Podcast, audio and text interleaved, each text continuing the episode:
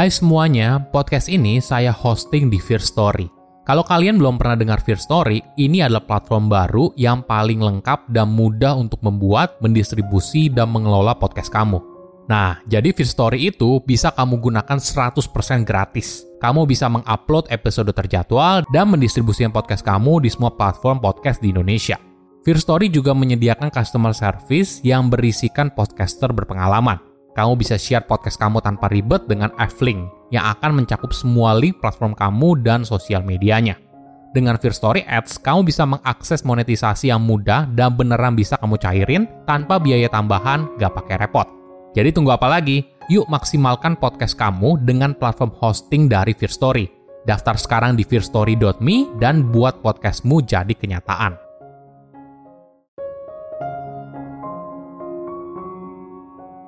Banyak orang mungkin ingin hidup selamanya.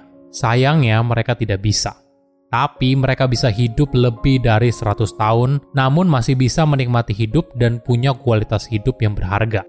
Jika saja mereka punya gaya hidup yang sehat, ikatan sosial yang kuat, dan tahu apa tujuan hidupnya. Halo semuanya, nama saya Michael. Selamat datang di channel saya, Sikutu Buku. Kali ini saya akan bahas buku The Blue Zone karya Dan Buettner. Buku ini membahas apa rahasia umur panjang dari orang yang hidup lebih dari 100 tahun. Sebelum kita mulai, buat kalian yang mau support channel ini agar terus berkarya, caranya gampang banget. Kalian cukup klik subscribe dan nyalakan loncengnya.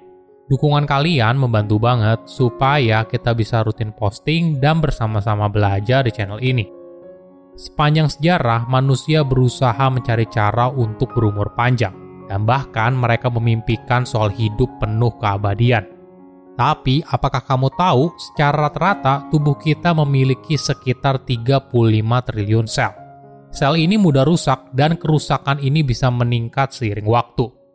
Banyak kebiasaan buruk dapat menyebabkan arteri kita tersumbat, plak yang menumpuk di otak, dan sebagainya.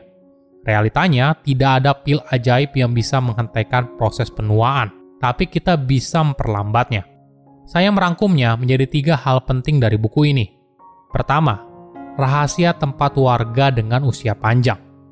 Dunia penuh dengan berbagai peradaban dan budaya.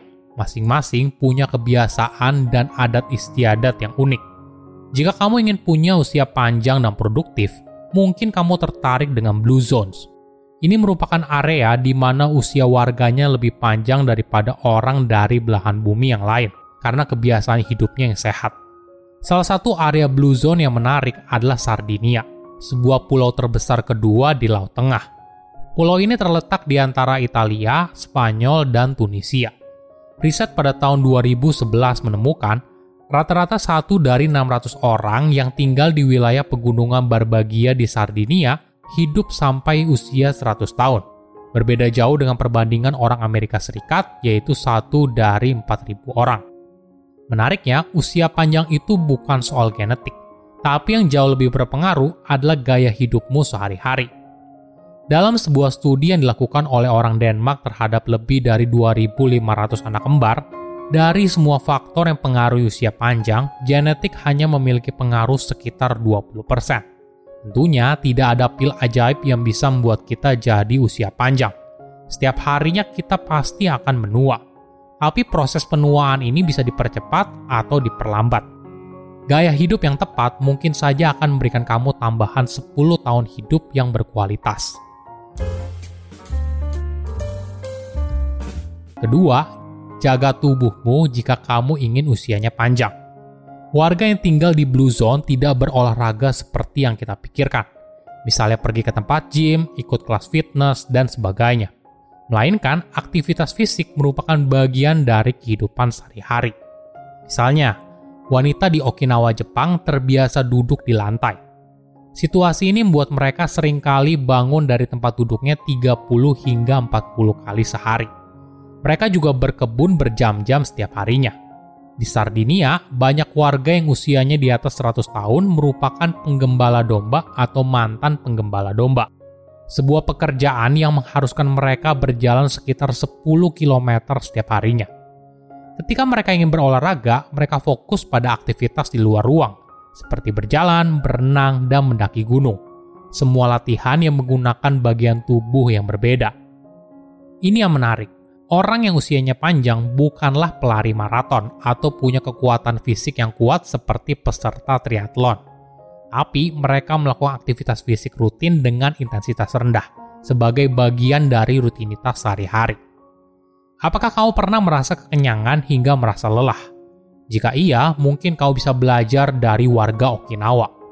Mereka punya filosofi untuk makan hingga 80%. Jadi tidak perlu sampai kenyang sekali mereka juga cenderung makan dengan piring yang lebih kecil. Jadi secara tidak langsung mereka mengurangi kalori yang mereka konsumsi dalam sekali makan. Secara tradisi, warga Okinawa mengenal yang namanya sokutaku. Tradisi di mana mereka menyajikan makanan di tempat terpisah atau piring terpisah yang letaknya berbeda dengan meja utama. Tradisi ini bertujuan untuk mendorong warganya untuk berbagi makanan dan meningkatkan pengalaman makan di mana setiap orang bisa menghargai dan menikmati setiap makanan dalam waktu yang berbeda. Jadi, ketika mereka mengantri untuk mengambil makanan, mereka bisa saling berbicara sehingga bisa mempererat komunitas tersebut.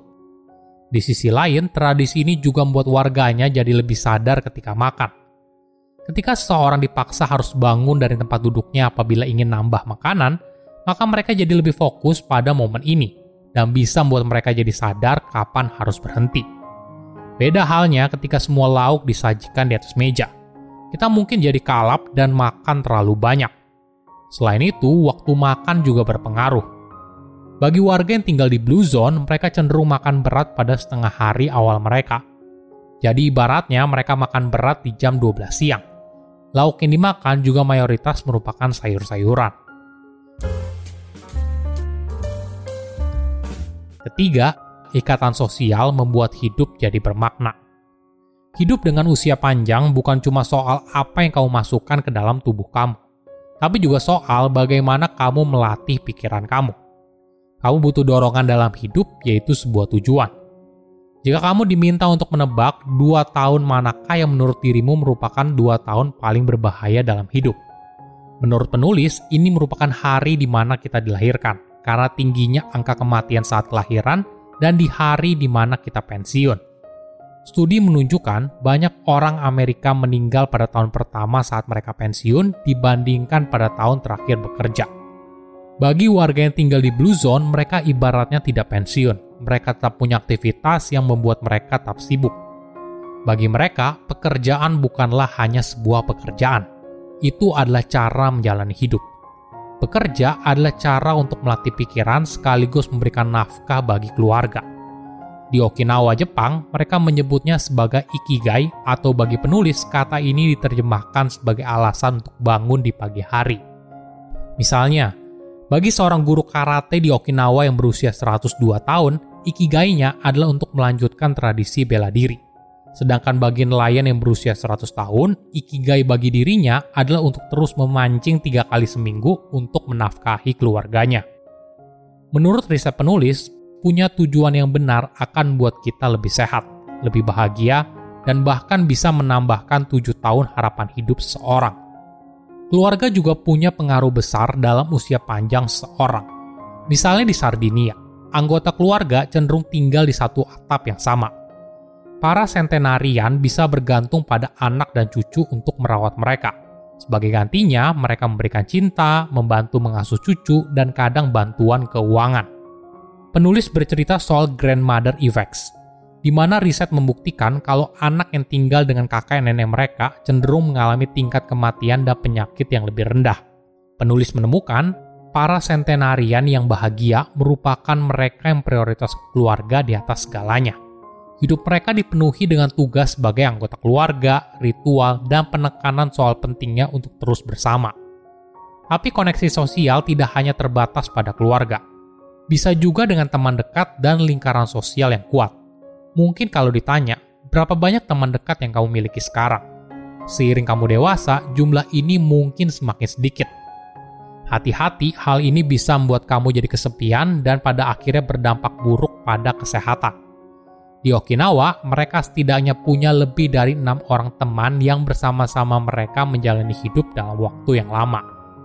Ikatan yang begitu kuat di mana mereka berbagi di masa senang dan masa sulit.